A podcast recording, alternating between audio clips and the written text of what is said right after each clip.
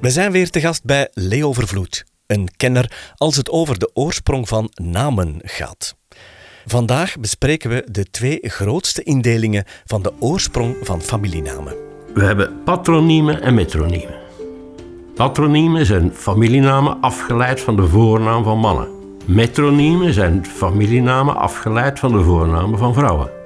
Moet ik voorbeelden geven? Ja. Het meest bekend is Jansen. Peters. Peters. Uh, amai, dat is moeilijker dan ik dacht.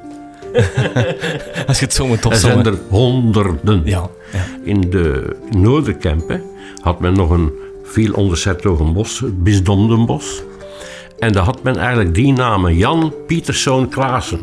Oh. Maar als er een nieuw kind kwam, dan viel die Klaassen eraf en dan kwam dat kind van voor. Dus om de drie generaties zou iemand totaal van naam kunnen veranderen. ja. Willem I zelfs heeft dat nog rechtgezet.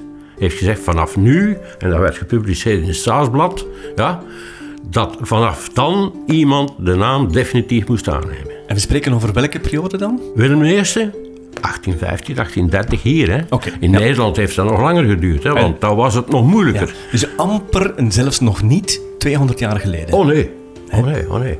Eh, de, de namen eh, die Willem I soms moest eh, afdwingen, want men zegt ja, in Holland denken ze nog altijd dat de namen door Napoleon gegeven zijn. Dat is natuurlijk flauwekul.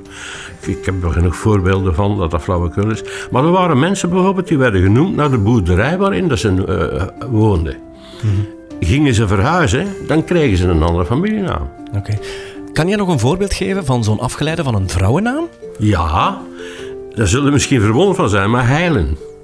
Helen? Ja, Oeh, dat moet je even uitleggen. Wel, dat komt van Helena in het Latijn, maar heilken in het Middel-Nederlands. Heilken, heilen. U hoort het al.